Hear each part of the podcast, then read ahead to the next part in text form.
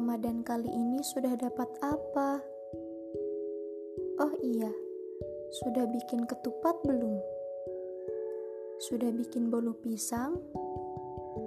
Atau kue nastar yang biasanya sudah tertera di meja? Hmm, bisa berjumpa dengan Ramadan tahun ini adalah sebuah kenikmatan yang harus disyukuri. Ramadan kali ini berada di tengah pandemi, tapi jangan sampai bulan yang penuh berkah ini hanya dilewati dengan begitu saja. Karena Allah tidak suka orang-orang yang merugi.